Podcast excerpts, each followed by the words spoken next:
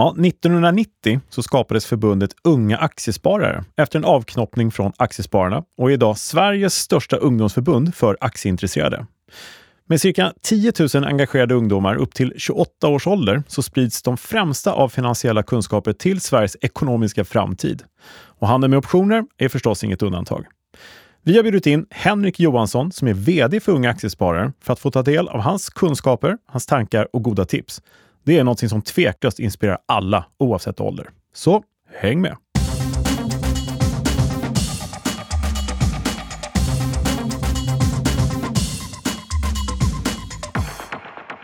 Välkommen tillbaka till Optionspodden. Det här är podden så är det kunskaper som ingen privat eller professionell investerare på börsen bör vara utan. Det här är avsnitt 54. Jag säger varmt välkommen tillbaka även till Thomas Bernholm. Tack så mycket, Kalle. Från Nasdaq. Ja. Hur känns det? Bra tack. Ja. Vi har haft en härlig påsk eh, bakom oss här med fint väder och det är en Ja. vacker dag även idag, så det är toppen. Ja, men det är lite så. Efter Mm. regn kommer solsken på något sätt. Bra att ha med sig i eh, alla olika sammanhang faktiskt. Just. Är det bra med dig? Ja, men det är jättebra, Mm. tycker jag. Eh, inte något att klaga på, sådär, tycker jag. Det låter som att allting bara är perfekt hela tiden, men jag tycker det känns helt okej. Bra. Så är det. Hör du, eh, ungdomarna ska ändå ta över vår värld. Det är ju faktiskt ett faktum. Mm. Vi brukar gissa ganska mycket i den här podden vad som händer i framtiden, men det här är ett faktum. Så är det ju.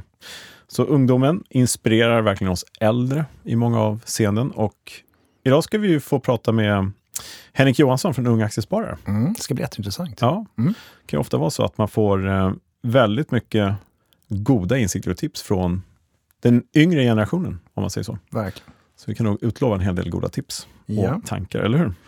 Ja, visst. Och vad ska Ja. vi prata mer om då? Ja, eh, vi kan ju säga så här att vi har, en sak ska vi ta upp. Mm. Vi eh, har ju faktiskt ett jobb som eh, är utannonserat från Nasdaq. Va? Jag tänkte just på det. Eller hur? Mm. Vill du berätta mer om det?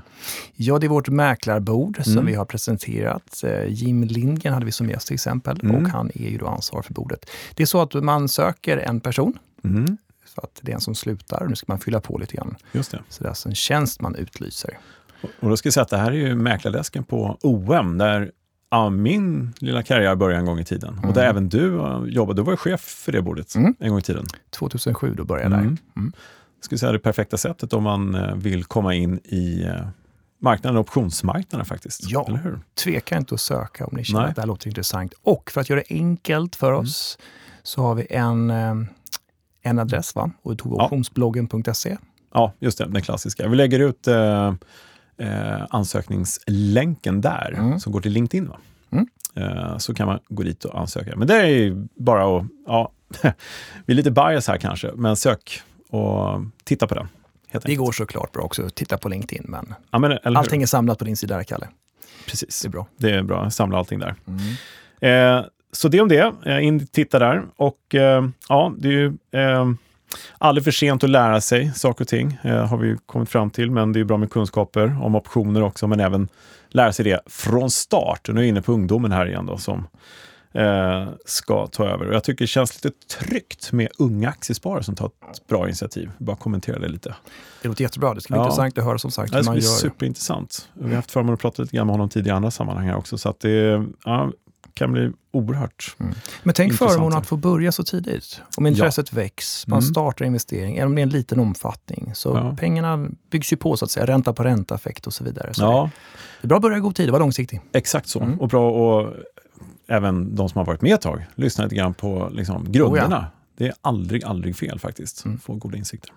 Men hör du, eh, ska vi ta och titta lite grann på hur börsen mår? Ja, med allt som händer runt om i världen. Och vi kanske ska säga till eh, nya lyssnare, om man får säga så också, Mm. att vi kör först en liten genomgång här, vad, hur det ser ut på börsen, lite mer kanske Ja, tekniska det. termer och, och Mm. lite begrepp just då. Och sen kommer vi ha intervjun då med eh, Henrik. Ja, det stämmer det. Så ja, vi kör vi på då. Ja. Gå igenom.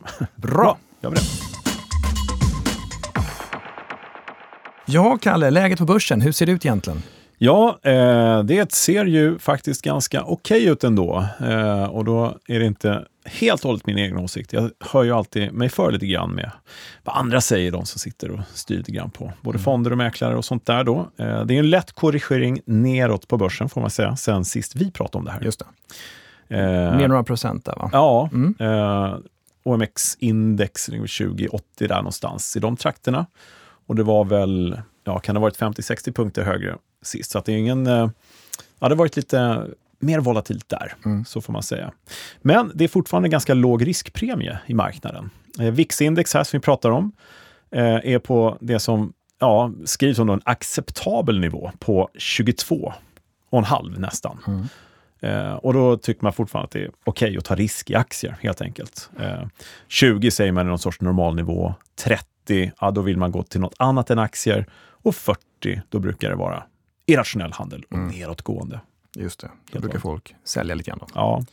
Men, och, eh, och om vi tar det här i relation till tidigare avsnitt som du just Mm. jämförde med. Hur ser det ut då? Har det ökat? Eh, ja, men det har gått upp, har Mm. det gjort, eh, sen eh, senast. Eh, då hade vi 18,5 ungefär på VIX-index och gått Mm. upp några punkter.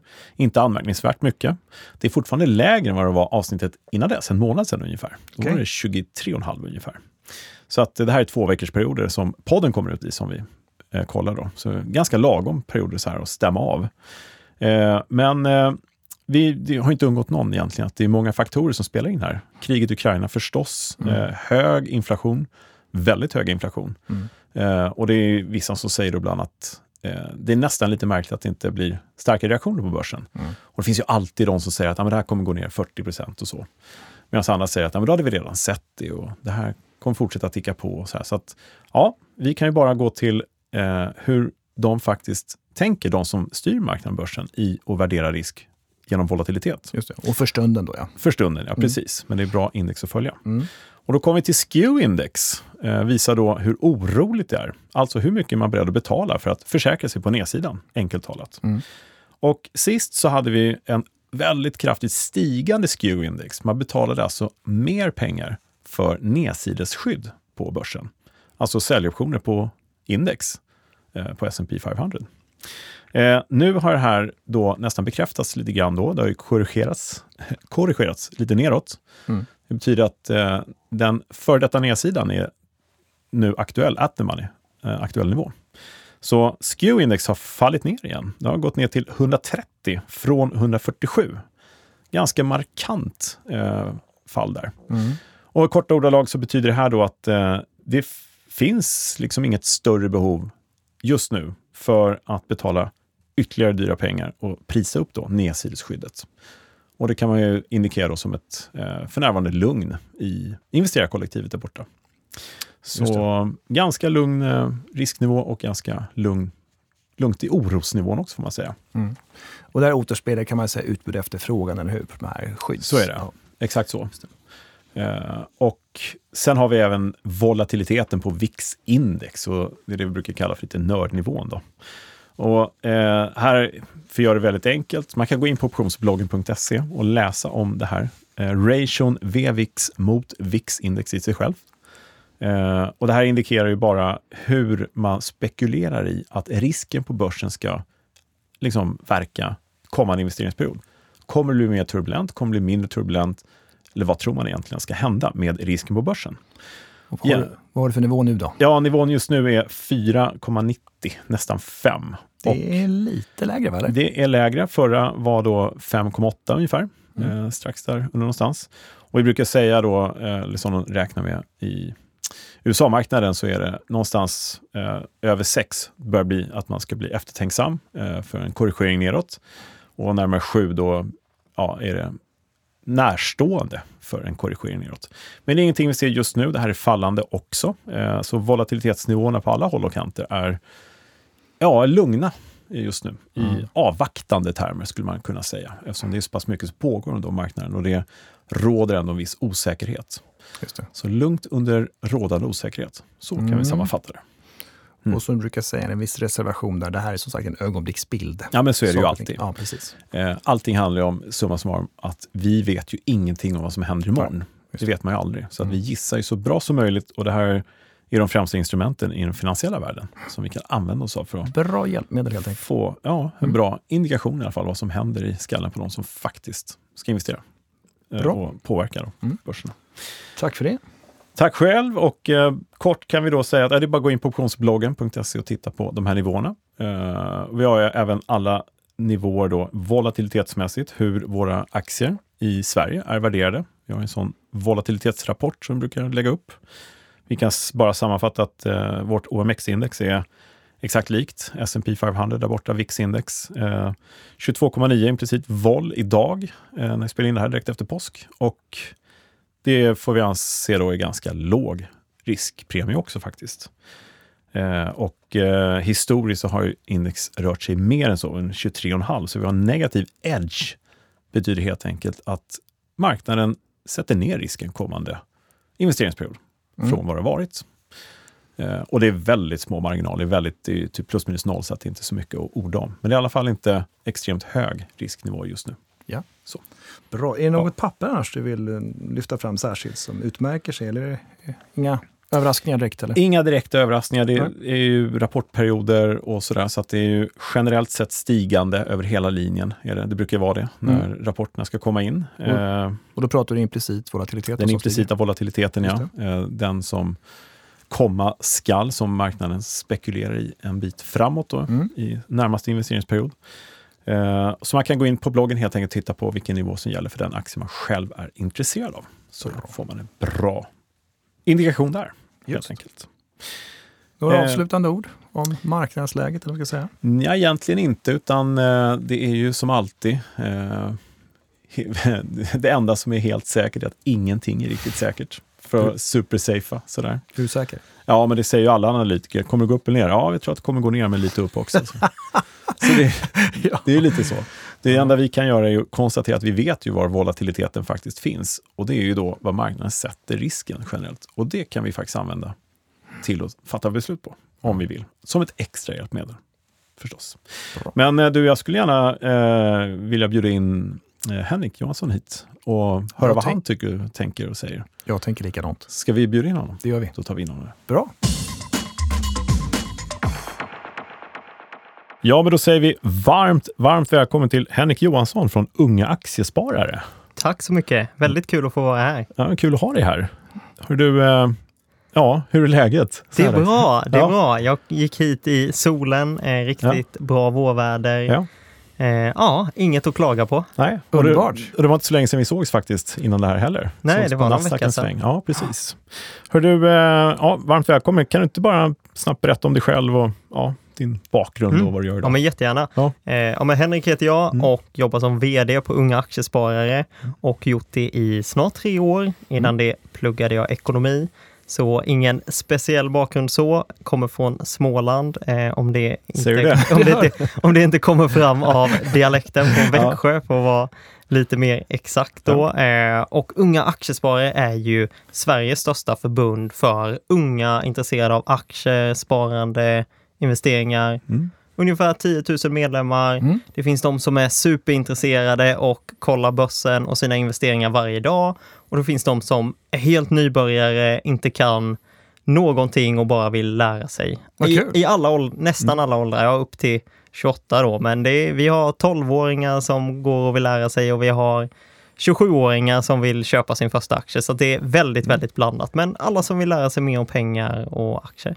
Vad Kul, bra. viktigt uppdrag, verkligen. Och 12 år, vilken fin start. Liksom. Kom igång tidigt kanske och investera och sådär. Ja, Mm. men vi, har, vi har några sådana småttingar då. På, eller, det, det får de väl inte höra kanske att jag kallar dem. Men Nej. jag hade för något år sedan innan corona då en nioåring som började gå på evenemang och Nej, som jag såg var lite återkommande. Så man såg ju han typ växa upp och det var en, en ganska, en väldigt lillgammal nioåring som också kom på de här utbildningarna med en liten portfölj och så här skjorta instoppad.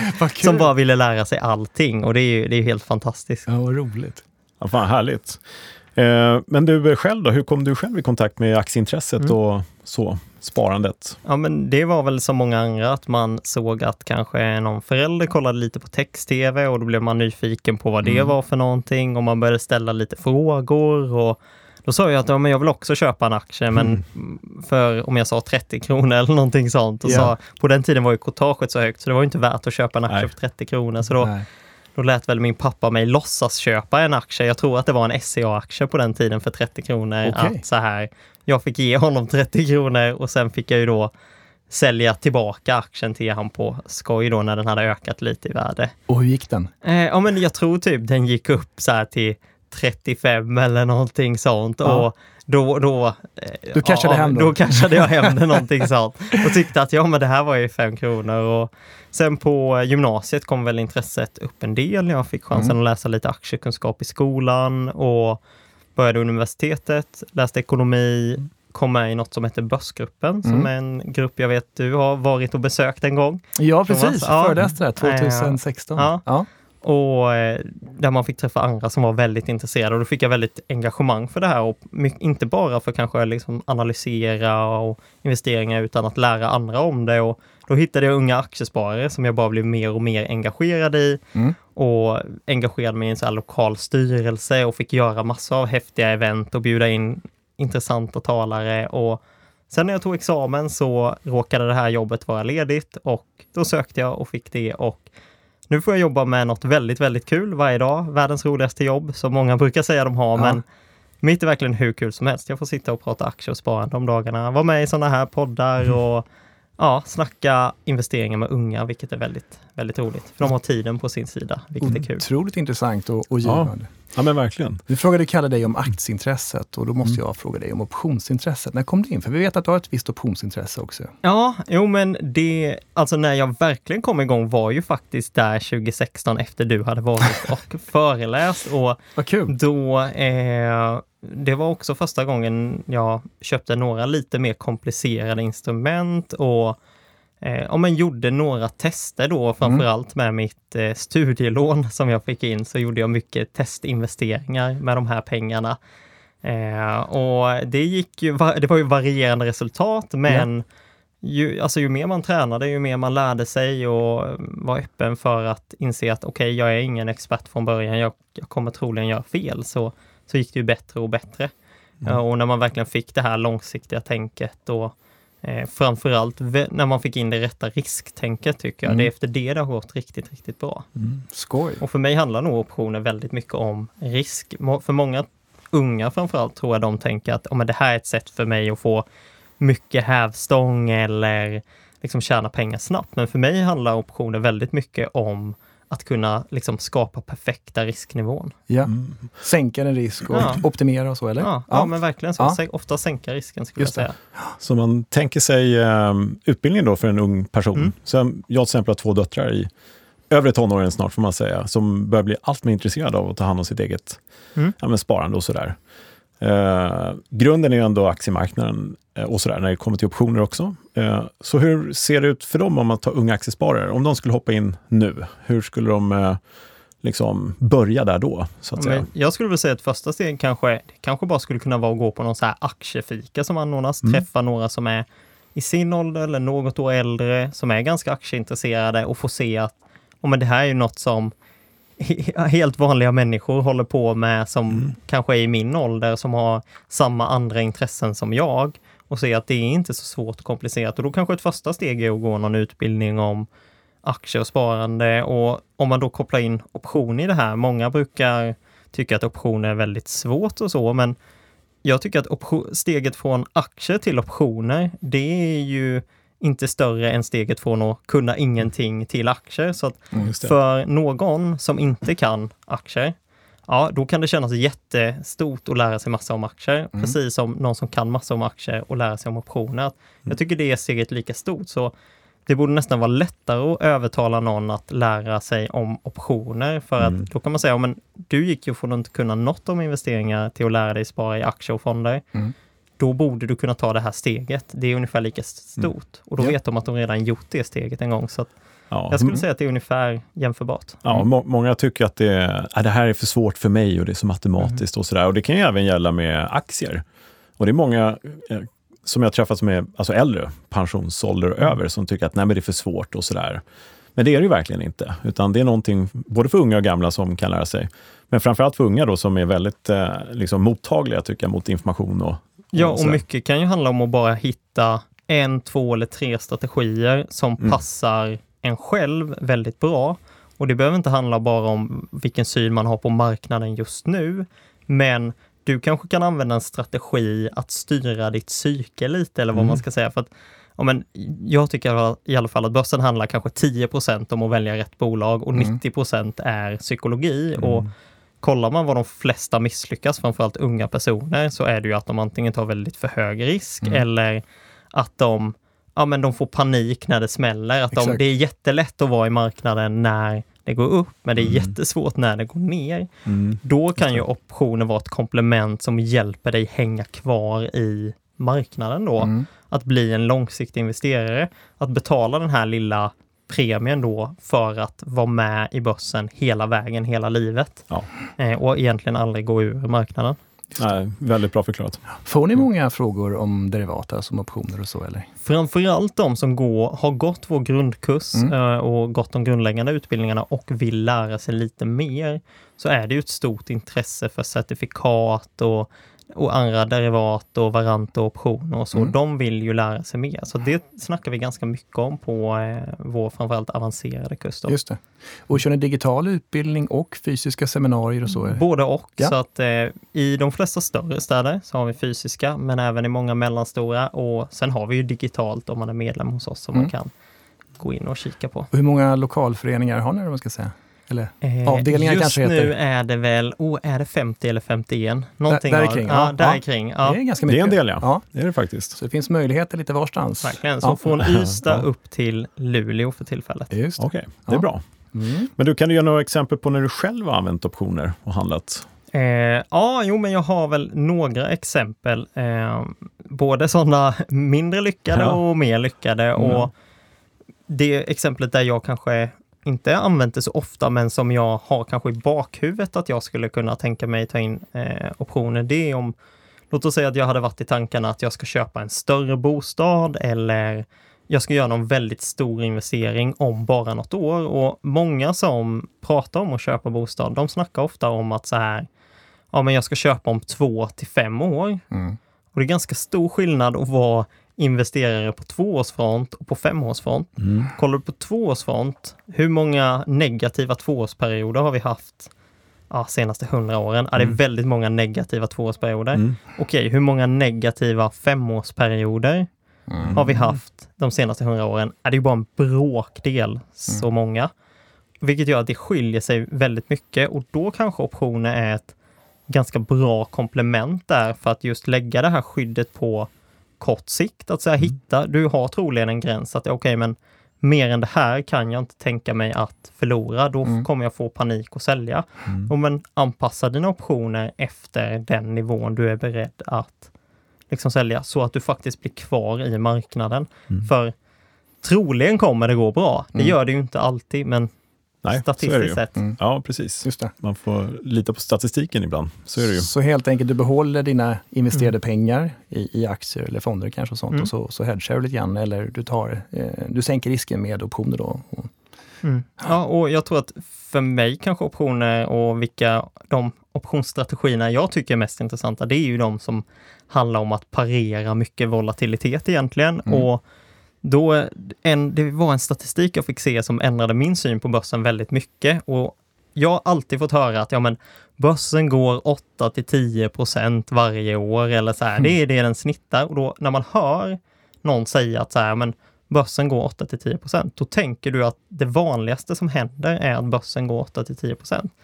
Prova att kolla alla de typ 30-40 senaste åren. Hur många gånger har den hamnat mellan 8 och 10 procent? Ja, Ja. inte varje år. Alltså så här, om, du, om du kollar i spannet 10 till 15 procent, Mm. det är färre gånger det hamnat i det spannet än den har gått över 30 procent eller den gått exempelvis negativt säger vi. Okej, ja. Det är mycket vanligare att den går bättre än 30 procent än att den går mellan 10 och 15. Mm. Men man är så inne och alla experter som alltid ska gissa, hur går börsen nästa år? Mm. Ja, de, ja men den kan bli 10 procent nästa år. Är de lite Mm. positiva säger de 15, är de negativa Mm. säger de 5. Så visar man att det är faktiskt inte så många år det hamnar där, utan an, ofta blir det väldigt bra eller väldigt, väldigt dåligt. Sant. Och då gillar jag kanske att hitta en strategi som funkar bra i båda de här lägena. Mm. Eh, Det kan exempelvis vara en så här protective put, att du köper, egentligen bara har liksom säljoptioner du äger på dina aktier. Att du, då vet du ju vad din värsta nedsida är. Visst, går inte marknaden upp särskilt mycket så kanske det inte blir så bra och du kommer ju tappa lite avkastning. Men just för den här personen som ah, som är lite orolig för de har Mm. något stort köp om två till fyra år. Just det. För dem är det väldigt, väldigt bekvämt. Sover bättre om natten Ja. helt enkelt. Mm. Så är det ju. Så optionsstrategier, eh, ja du säger det bra, liksom en hjälpande hand igenom den här osäkerheten som man kan drabbas av. Psykologin som du var inne på, tycker jag är Ja. otroligt klokt. Men om man ska eh, eh, handla med optioner, lära sig, är det något speciellt du tycker man ska tänka på? i sort? Alltså kunskaper förstås, men någonting i övrigt som du tycker är viktigt att fokusera på sådär? Tid eller? Om jag skulle säga varför man gör det. Mm. Alltså precis som när jag köper en aktie så kanske jag frågar mig, okej men varför köper jag egentligen den här aktien? Och då och då så kommer det upp att okej men egentligen köper jag ju bara den här aktien för att jag, jag har sett andra som tjänar pengar på den och vill hänga på. Mm. Och där tror jag det finns samma sak med optioner, att ibland så kanske någon gör en viss optionsstrategi bara för girighet. Att så här, det här kan jag nog tjäna riktigt mycket pengar på, eller jag kan tjäna pengar snabbare på det här. Och jag tror att får man svaret att det här tjänar jag bara pengar snabbare på, då gör man det nog av fel anledning. För den girigheten tror jag gör dig lite irrationell Ja. Mm. som nog gör dig till en sämre investerare. Men om däremot du säger det här att okej, men jag tror att marknaden kommer röra sig så här och därför kan jag minska min nedsida på något sätt. Okej, det är ju ett mycket mer rationellt tänkande än ett- just så här en FOMO eller en girighet som driver det. Och så att jag skulle ställa den frågan till en själv och beroende på vilket svar man får då bestämma sig om man slutför det eller inte. Ja, men precis. Eh, ja, där säger du någonting eh, ganska bra, det med girighet. Eh, att man gärna tar ett bett kanske om man är lite i, ja, men i modet sådär och kanske gör en dålig affär. Eh, det kanske har lett till att många förknippar just optioner, som går ganska snabbt ibland, med hög risk. Skulle du hålla med om det? Att det är hög risk med optionshandel? Därmed liksom. Ja, men det är ju som, det är som så mycket annat, att aktier kan vara super, super hög risk. Lägger du alla dina pengar i en aktie och du planerar att äga den bara i ett år, Mm. Ja då skulle jag säga det är ju tokigt hög risk att ha alla Ja. sina pengar i en aktie. Ja. Men äger du som jag själv gör, typ 50 bolag, eh, någonting sånt, och planerar att äga dem i 10 år, Mm. nej då är inte risken särskilt hög. Så Nej. jag skulle säga precis som eh, med aktier så ja, du kan ha tokigt hög risk i optioner, men Mm. du kan också ha snarare tvärtom en negativ risk, att du sänker din totala risk. Precis, ja. Mm. ja. Eh, Så att nej, jag, det är precis, jag ser det precis som aktier, att det finns en Mm. skala. Det är väl bara att du kan kanske ta ut svängarna något mer i ja. optionerna. Och det gäller bara att lära sig hur man gör. Ja, Eh, Eh. skaffa sig kunskaperna. du kan både ta en mycket högre risk i optioner, men du kan också ta en betydligt lägre risk i optioner. Ja, men visst. Och så finns det ju så mycket flexibilitet, så många strategier. Mm. Så det, det är verkligen, man kan skräddarsy efter behov. Ja, Mm. men skulle du säga att det är svårt att lära sig det här med optioner? För många eh, kan ju tycka att det är så här, eh, ja, men matematiskt som sagt och så. Eh, Men sen var du inne på att det är ju alltså få strategier, de här grundläggande, eh, enklaste strategierna om man får kalla dem för det, är ju inte så svåra att lära sig. Eller vad skulle du säga? Är det svårt? Ja, liksom, för den? jag skulle nog säga att välj en sida som du lär dig först. Antingen Mm. lär du dig sidan att köpa och Mm. köpa optioner och köpa säljoptioner, att du fokuserar på det. Eller så lär du dig sidan att ställa ut optioner, Mm. men börja med en sida och lär dig förstå den Mm. sidan. Ja, när du känner att du kan den sidan ganska bra, då är det ganska enkelt att gå över till den andra sidan, för då är det egentligen bara att man är personen som på något sätt bettar emot. Just det. Eh, så att jag skulle nog börja i ena änden där. Eh, Mm. Som jag började nog med att lära mig, okej men köpa köpoption och då var det ju efter du hade hållit föreläsning och Ja. gick igenom ett gäng strategier. Ja. Och då var en av strategierna att man då köpte en eh, köpoption en tid i förväg Ja. för att inte behöva lägga ut lika mycket pengar. Mm. Och i mitt fall var det kanske att jag, eh, jag köpte för den lilla buffert jag hade innan mitt studielån kom in, Just. så köpte jag köpoptionerna en månad i förväg, någonting sånt. Just. Eh, det var ju smart. Och fick Så- mer exponering mot Ja. Perfekt då. användning av en Ja, köpoption verkligen. faktiskt. verkligen. Eh, Jag måste bara backa lite grann också. Du pratade om det här med att prata en, en investering, en lägenhet eller bostad Mm. som du sa. Så det var ett syfte att kanske sänka risken och så. Lite andra syften och, och ändamål som du själv liksom har, har gjort eller som du tittar på? För du, jag kommer lite grann på det här med volatilitet också. Du pratar rörelser, stora rörelser eh, på börsen och sånt. Är det sånt du tittar på också? Liksom? Alltså i, ibland har man kanske något bolag där man känner att det här, vad ska man säga här, antingen så flyger det eller så faller det. Mm. Ofta är man ju tyvärr ganska lik övriga marknaden där, men i vissa fall kanske man själv känner väldigt mycket att antingen flyger det här jättebra eller så faller det. Mm. Och medan övriga marknaden kanske mer känner det som ett mer neutralt case. Och men då tycker jag ju det är väldigt trevligt att kunna göra typ en strut, för då vet jag att ja, men faller det totalt, då är Mm. jag en vinnare och går det upp så mycket som jag trodde, då är det då är jag också en vinnare. Det. Utan det är just bara det här, ja men står det stilla inom Ja. ett visst spann, nej okej, då blir det inte jättebra. Men Mm. det har inte kostat mig så himla mycket Mm. för att få samma avkastning, eller vad man säger. Jag har ju fortfarande en, en botten i vilken nedsida jag har.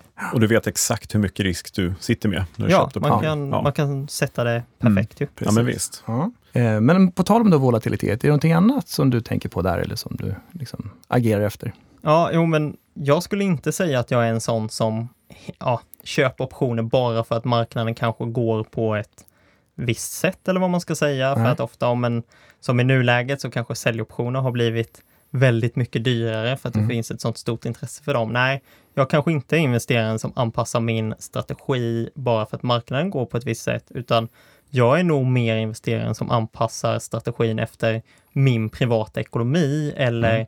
hur min framtid ser ut och då får ju jag snarare bara att köpa att okej, nu är priserna på optionerna på den här nivån eller vad man ska säga. Mm.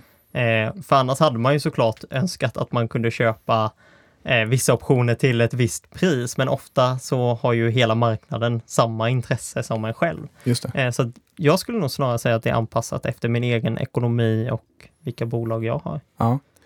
Mm. Men kan det bli så att du kanske hellre då köper en eh, prisspread, alltså en, en call-spread istället för en köpoption bara eller sådär, så att du anpassar efter volatilitet? Bara lite. Eh, ja, jo men kanske i så fall Ja. att liksom, ja, ja, för jag tror ju ofta på att ja, men så här, vi kommer alltid ha en volatil marknad, precis som jag sa det här tidigare, att man ser hur sällan Mm. börsen bara tickar på lite, det. utan det är ofta det där stora fallet ner och stora fallet uppåt. Och har, man har ju alltid sett att börsen överreagerar åt, åt alla håll. Mm.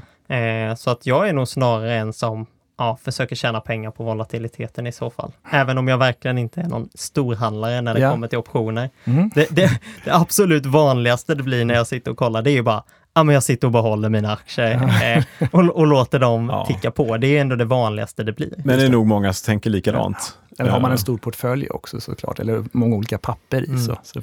Men det blir ju en eh, naturlig sån här följdfråga för att du säger att du anpassar efter vad du tror och din marknadstro och din situation sådär. Och jag antar att alla har vi ju i viss mån olika situationer eller tankar eller marknadstro sådär. Men därmed sagt, du liksom representerar många ungdomar och sånt där. Eh, den klassiska frågan, optioner och handla med optioner, är det någonting som passar alla ändå? Någonting du tycker att alla kanske bör åtminstone lära sig någonting om för att se om det är någon uppsida liksom för dem att beblanda med aktiehandel. Men jag skulle säga som, som så mycket annat, ibland, ibland får jag frågan så här, men kan alla bli miljonärer? Ställer någon eh, så här frågan och då brukar jag säga ja och nej. Och så här, nej, jag tror kanske inte alla kan bli mångmiljonärer samtidigt. Nej, det kommer inte hända.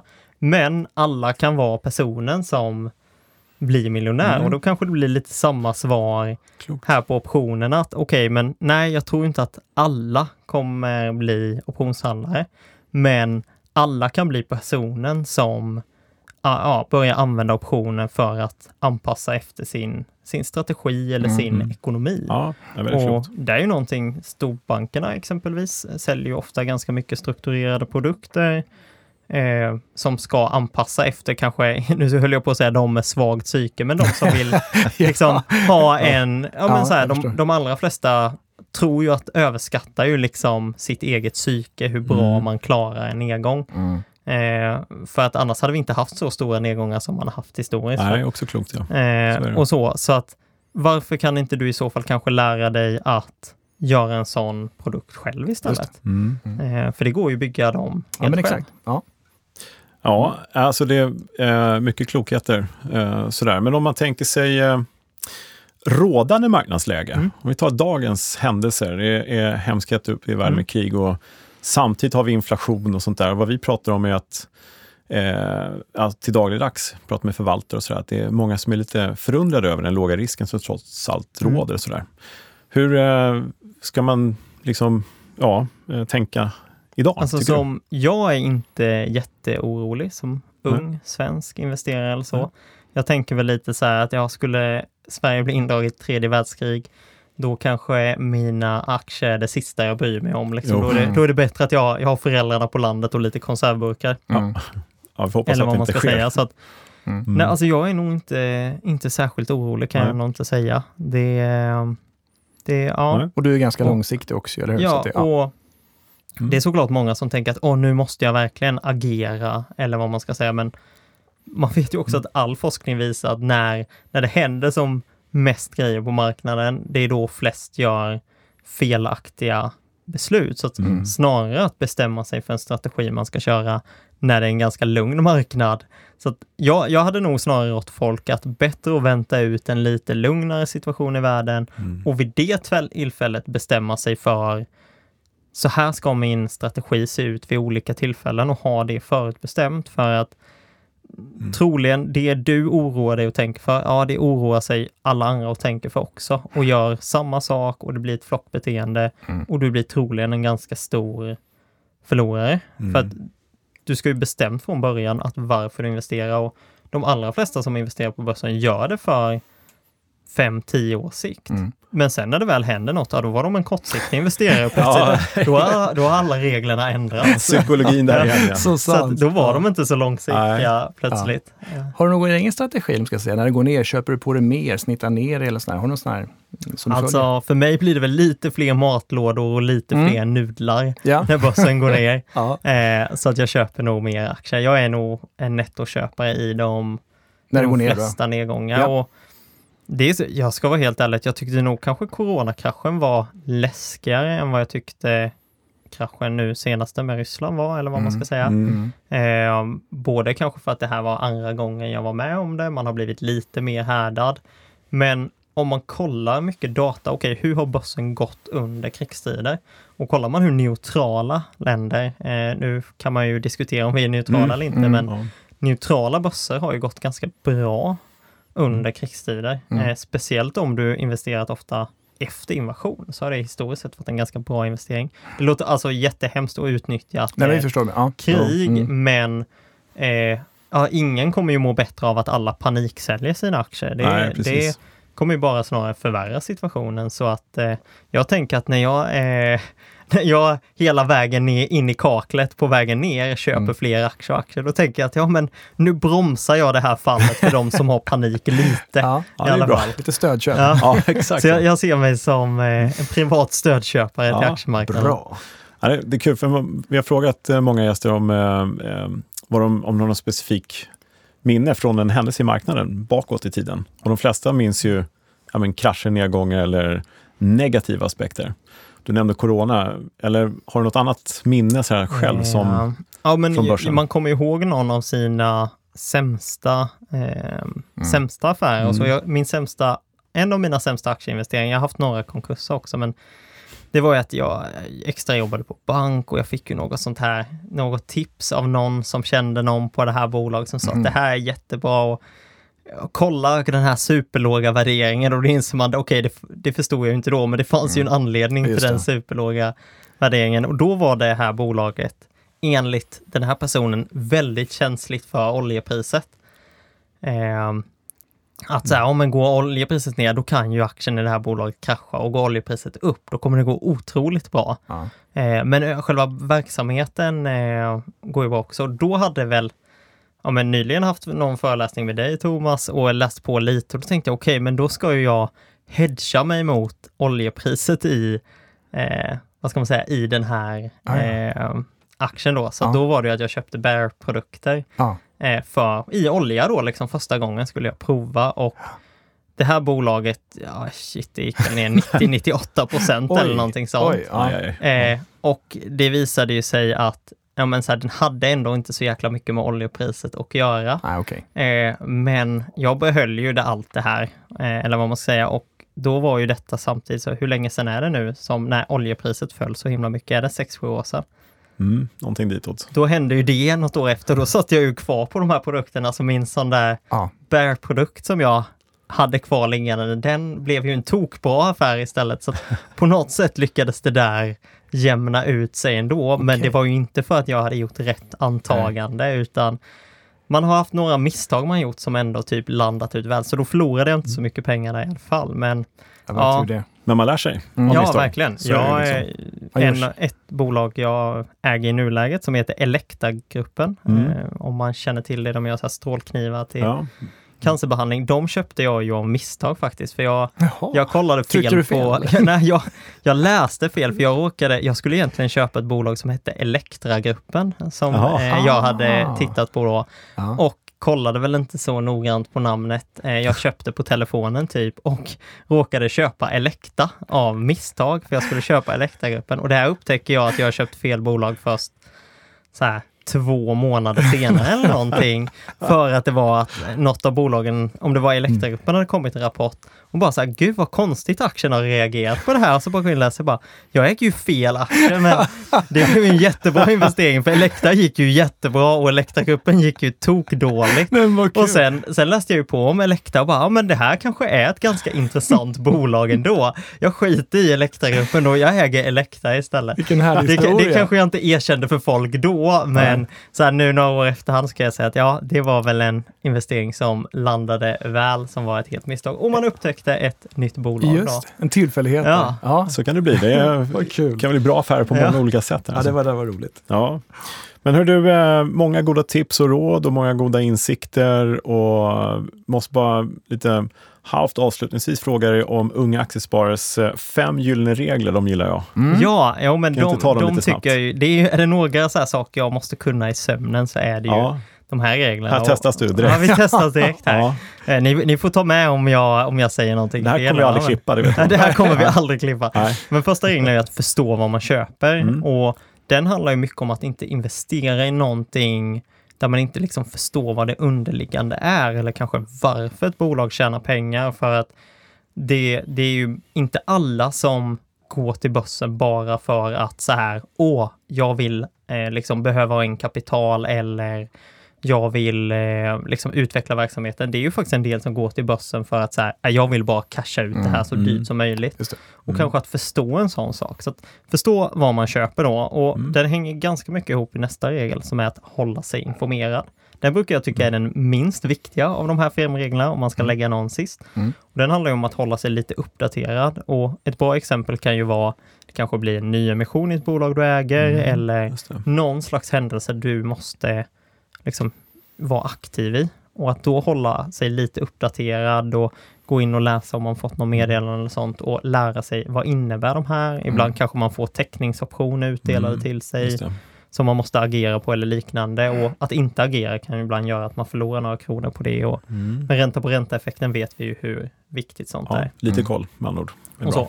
Mm. och sen är det ju, kan, ja, det, detta är en av mina två favoriter, det är ju spara långsiktigt. Ja, just det. Mm. Och den, den borde man ju ha eh, liksom skrivet innanför ögonlocket eller så här, typ på sin dator, att Ja. man får aldrig sälja utan att ta upp typ en skylt framför sig själv där det står spara långsiktigt. Då. Ja. Eh, och det handlar ju om att börsen är ju inte för kortsiktigt bruk, utan det är ju för den som vill vara en långsiktig investerare. Det är då man verkligen får uppleva Mm. ränta på ränta-effekten. Det är ju de allra flesta eh, som varit på börsen länge, de har ju sina deras bästa år har ju ofta varit de senaste åren och deras sämsta år är ju ofta deras första år. Så att spara långsiktigt, otroligt viktigt. Mm. Och den här hänger ju också väldigt mycket ihop med nästa regel som är ju då spara regelbundet. Mm. Att eh, Ja, vi vet ju inte om börsen, ingen vet om börsen är dyr just nu eller billig just nu. Alla känner den där personen som har sagt i tio år att "Ah, jag väntar in fallet istället. Ja, ja. Eh. Och så kom aldrig det där fallet. Eller så säger de, ah, jag ska, det, ja, det kommer gå så här nu eller gå så här. Det är ingen som faktiskt vet. Men om du köper lite hela tiden kommer du komma in till en ganska schysst nivå på lång sikt. Då. Och sista som är nog ändå favoriten, det är sprida risken. Mm. Det handlar om att inte ha för få antal bolag. Eh, jättemånga personer snackar om att nej, men man ska bara ha ett fåtal bolag som man är eh, väldigt, väldigt eh, inne i. Mm. Jag är nog inte av den skolan. Jag tror de allra, allra flesta borde ha ganska många bolag. Jag tror de flesta har alldeles för få bolag. Jag har själv 50, eh, 60 bolag någonting sånt i min portfölj. Och då säger någon, hur, hur kan du ha så bra koll på alla bolagen? Och då säger jag att jag har lika dålig koll på 50 bolag som jag har på 30 bolag. Ja, ja. Så att nej, jag tror att de allra flesta borde eh, höja liksom, antalet bolag man Just. har. Eller kanske kika lite mer på fonder i alla fall. Sen kan man ha ett, några innehav som man har lite, lite mer ägande i. Men jag tror de allra flesta eh, har svårt att hålla sig rationella till ett väldigt fåtal bolag. Mm. Det blir väldigt, väldigt lätt att man börjar leta efter eh, liksom positiva nyheter som bara förstärker en syn. De här Mm. bolagen försöker ge en själv så mycket rätt man bara kan. Så Ja. jag tror ändå de allra flesta borde äga lite fler bolag. Handla lite optioner, justera risken kanske. Ja, det också. ja Så att liksom bra. verkligen riskanpassa. Men visst, och du, eh, eh, den sista frågan är egentligen som är ställd till alla, som måste ställas. Hur går börsen närmsta halvåret? Den Eh. enklaste frågan här nu. Ja, Ja, men då är jag, jag är ju evigt optimist, Mm. så att då säger jag att eh, Stockholmsbörsen går lätt uppåt, positivt i alla fall. Mm. Och så säger jag att småländska bolagen går riktigt bra. Lite insider där. Ja, Åh, så att jag, jag, ja, men det är så att kolla, kommer man kolla, nu finns det ju inget officiellt Smålandsindex, men eh, ofta är det ju så att när börsen går bra, då går småländska bolagen ännu bättre och går börsen dåligt, då går småländska bolagen ännu Okej. sämre. De är lite mer här har volatila. vi upplever jag. insider. Ja, Perfekt. Ja. Kanske en affärsidé att skapa nytt index också. Ja. Smålandsindex. Ja, jag, Smålandsindex, ja. jag skulle Ja. verkligen vilja ha ett Smålandsindex faktiskt. Det finns ju bland annat en Smålandsfond och liknande så att Ja. eh, jag, eh, jag tycker nog att eh, ja, Nasdaq borde nog ta fram ett Smålandsindex tycker jag. Vi får hälsa dem det. Finns, kommer finns. Ja. många bra bolag. Det känns som det sitter 10 000 ungdomar med Smålandsaktier här. Ja. I, med goda tips. 10 000 ungdomar. Hur gör man för att det ska bli fler? Hur anmäler man sig till Unga Aktiesparare förresten? Mm. Det tror jag inte vi sa där i början. Ja, men det lättaste är ju egentligen att bara gå in på ungaaktiesparare.se och så trycker man på bli medlem-knappen då. Ja. Mm. Eh, Så det och är oerhört enkelt. Ja. Väldigt, väldigt enkelt. Eh, gå med i Unga Aktiesparare. Eh, ett av de största ungdomsförbunden i Sverige. Större än de flesta politiska ungdomsförbunden också. Mm. Eh, så egentligen, man behöver bara vara intresserad av att uppfylla sina framtida drömmar. För ser man bland våra medlemmar, det finns de som är intresserade av fotboll som största intresse. Vissa har fiske som största intresse. Vissa har hästar som största intresse. Någon Mm. tycker bakning är det roligaste som finns eller Mm. matlagning. Det är väldigt, ja, men, väldigt många som har något annat som sitt största intresse, Mm. men det alla har gemensamt är att okej, men ekonomi, investeringar är något som kan hjälpa mig att Mm, nå det här. precis, precis det så. är den gemensamma, Ja. gemensamma nämnaren. Mm. Nej, så alla som är 28 år, in och anmäl sig. Mm. Upp till 28 år. Ja. Eh, Ja, egentligen alla som har ett barn, framförallt kanske döttrar vill jag uppmuntra lite extra att man eh, anmäler sina döttrar, för vi ser ju att pojkar blir väldigt uppmanade att eh, komma igång och investera eh, och gå med oss, men unga tjejer blir det inte i samma Mm. utsträckning. Så lite extra till alla de som har döttrar att uppmana dem. Kalle, du har två döttrar, jag har två söner. ja, du håller tillbaka dina grabbar lite. Precis. Men vad har ni för Ja. fördelning ungefär? När Eh, ja, men någonstans 35-36 procent är tjejer i Mm. nuläget, men det är verkligen så att kollar man de som blir medlemmar på eget initiativ, är det ganska jämställt, men vi ser att pojkarna blir jätteuppmanade av typ familjemedlemmar och familjevänner och komma med i Unga Aktiesparare, men tjejer blir inte uppmanade i samma utsträckning tyvärr. Nej. Finns ingen anledning att inte anmäla sig alltså. Antingen om man är själv 28 år eller yngre eller sina barn då, som i vårt fall här, Mm. Thomas. Eh, Har du passerat 28? eller? Nej, det är lite tag till. Så. Du Henrik, stort, stort tack för att du Ja, kom till. Optionspodden idag och berikade oss med mycket goda kunskaper. Tack för att jag fick komma Eh, hit. Ja, men en stor ära. Och vi hoppas att det blir fler gånger framöver här i många olika sammanhang. Och man kan snart se det i videoklipp också kan vi avslöja. På lite Kul. olika forum här framöver. Mm. Så jättetack igen och ha det så jättebra. Lycka till framöver med allt Tack så mycket. tar dig för. Ha det fint. Tjena! Hej. Jaha, Kalle, du har fått ett gäng frågor även idag antar jag? Eller till idag? Ja, det stämmer. Mm. Eh, och brukar alltid inleda med att säga tack så mycket för alla frågor. Eh, fortsätt skicka frågor. Eh, och vi gör vårt bästa. Vi läser alla frågor. Hinner dessvärre inte svara på alla, men vi försöker samla upp dem och samla ihop dem och se till att alla får eh, svar på ett eller annat sätt. Och en ett sätt är att ta upp vanligt ställda frågor här. Mm. Eh, och Filip har ställt en fråga som eh, faktiskt kommer då och då, och kan man tycka är elementärt, men jag förstår liksom hur han tänker. För han säger så här, hur tjänar man pengar på en nedåtgående aktiemarknad? Och vad ska man tänka på? Och då vet vi ju att eh, tjäna pengar på en nedåtgående aktiemarknad, det kan man göra genom att köpa en säljoption i antingen den underliggande aktien eller på index. Men att tänka på här är ju dels riktningen då, det är ju neråt, men sen också en tidsaspekt. Hur lång tid kommer det ta innan eh, det kommer gå ner? Och även då till vilken nivå ska det gå ner? Tror man att det ska gå ner jättemycket på torsdag? Ja, då ska man köpa en säljoption rakt av direkt. Och kanske en veckoption till. Exakt så. En veckoption som är billigare för att den har ett kortare liv och mindre tidsvärde Mm. därmed. Eh, men om det då är så här när man tror ska gå ner kanske lite mer rimliga 2-3 procent på en månad, då kanske man ska köpa en put spread, Mm. som jag pratar om ofta också. Eh, ja, sen finns det ju mängder med saker. Ja, precis. Det beror på också, har man kanske redan en portfölj och sådär jämte, då kanske man vill eh, börja agera med terminer sälja, Sälja terminer. aktieterminer Ja, eller precis. indexterminer och sådär. Precis. Och sen finns det ju massa olika optionsstrategier Mm. just för nedsida. Du nämnde ju två här då, men det finns Just ju det. Put-back spread och ja, trebeningar, fence Ja. collar. Och, om man vill göra lite mer avancerat. Sådär. Mm. Och då har vi många avsnitt bakom oss här som vi kan hänvisa till. Ja, men exakt. Så, att, eh, så ingen dum fråga egentligen. Nej, oh, nej. Eh, hoppas det var ett bra svar där. Och jag menar, slutsatsen är att det finns väldigt många alternativ, många möjligheter. Many titta options. På den, ja, titta på Ja. den eh, strategi som passar dig bäst. Ja, precis. Mm. Och Max eh, har ställt en fråga som jag tyckte du var lite inne på också. Jaha, Hur vanligt är det med aktieterminer? sådär ja. Mm. Ja, därför att det vanligaste instrumentet, vanligaste, det mest omsatta instrumentet på börsen överhuvudtaget är vi OMX-terminen? Ja, indexterminen. precis. Indexterminen. Nej, men det är klart, indexterminen är ju flaggskeppet på något sätt. Mm. Och aktieterminer har ju inte alls samma volym och omsättning. Mm. Nej. Och det, vad ska man säga, det, det är nästan lite konstigt för att det är ett väl, en väldigt bra produkt. Ja, det är det ju. Man kan verkligen göra saker med den liksom på nedsida, på uppsida, få en hävstångseffekt eller skydda sig. Och man kan då kanske köpa en termin om man nu inte har Mm. likviden just här och nu, utan men om kanske tre månader får man in pengar Ja. och då växlar de nu till aktier och sådär. Så det finns många möjligheter. Ja, det gör det verkligen. Eh, så att, ja, vi kanske inte ska eh, prata för mycket om, om det nu, vi tar upp det senare kanske. Men Mm. svaret på frågan är i alla fall att det är inte lika vanligt med aktieterminer, är det ju inte. Nej. Men eh, det är ju väldigt många fina möjligheter Mm. fortfarande, Verkligen. såklart.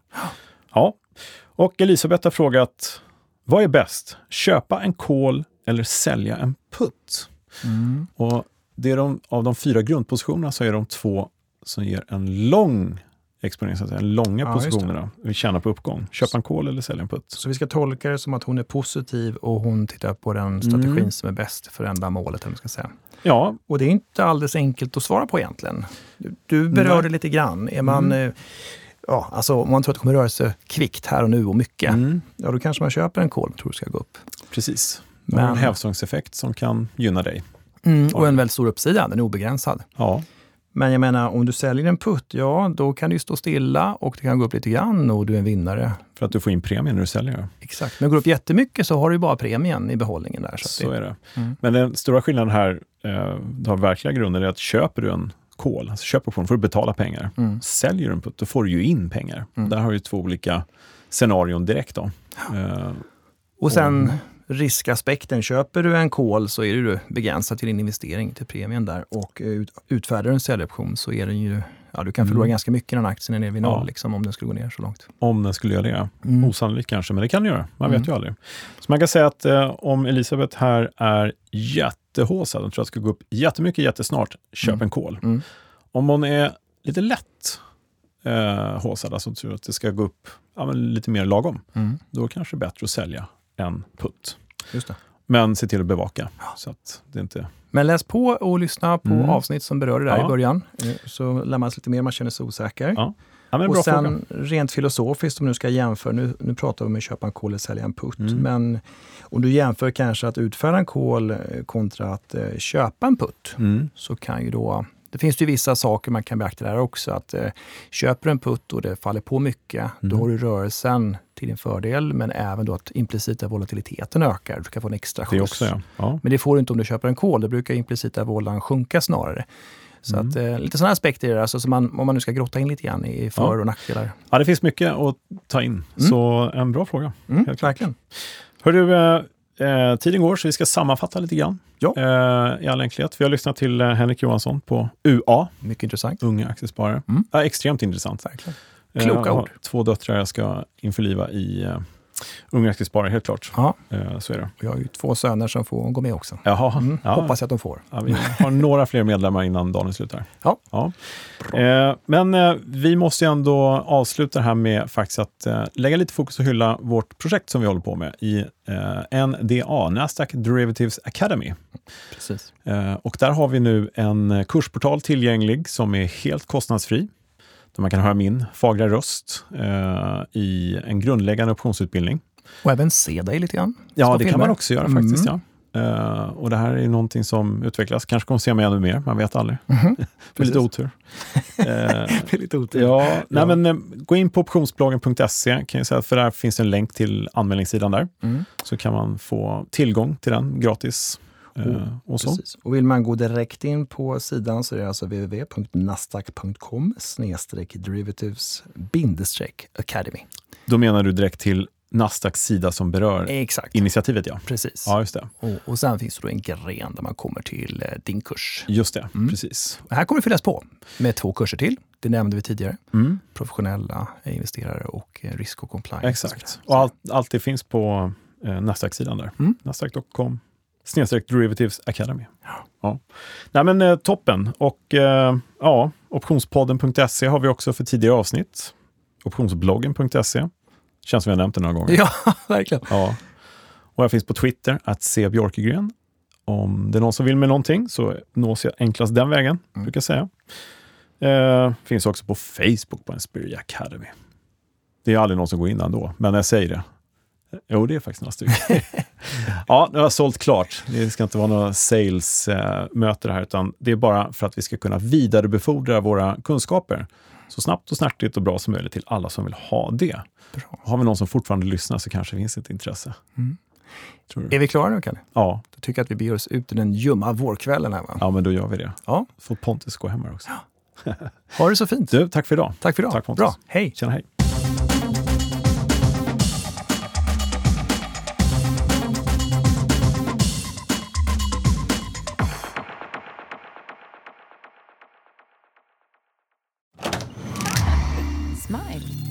Den här podden spelas in hos Smile.